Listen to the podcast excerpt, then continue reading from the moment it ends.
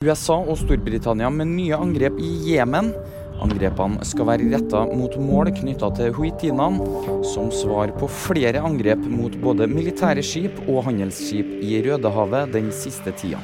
Den britiske forsvarsministeren Grant Shapps omtaler angrepet lørdag kveld som selvforsvar, og sier at det ikke er snakk om noe eskalering. To menn er skutt og drept i Gøteborg i Sverige. Politiet etterforsker saken, men foreløpig er ingen pågrepet. Episoden den skjedde seint lørdag kveld. Og noen Jordan-sko har blitt solgt til rekordpris. Seks basketsko brukt av basketballegenden Michael Jordan er solgt på auksjon for svimlende 8 millioner dollar, noe som tilsvarer nesten 85 millioner norske kroner. Ha en fin søndag, og husk at nyheter finner du alltid på VG.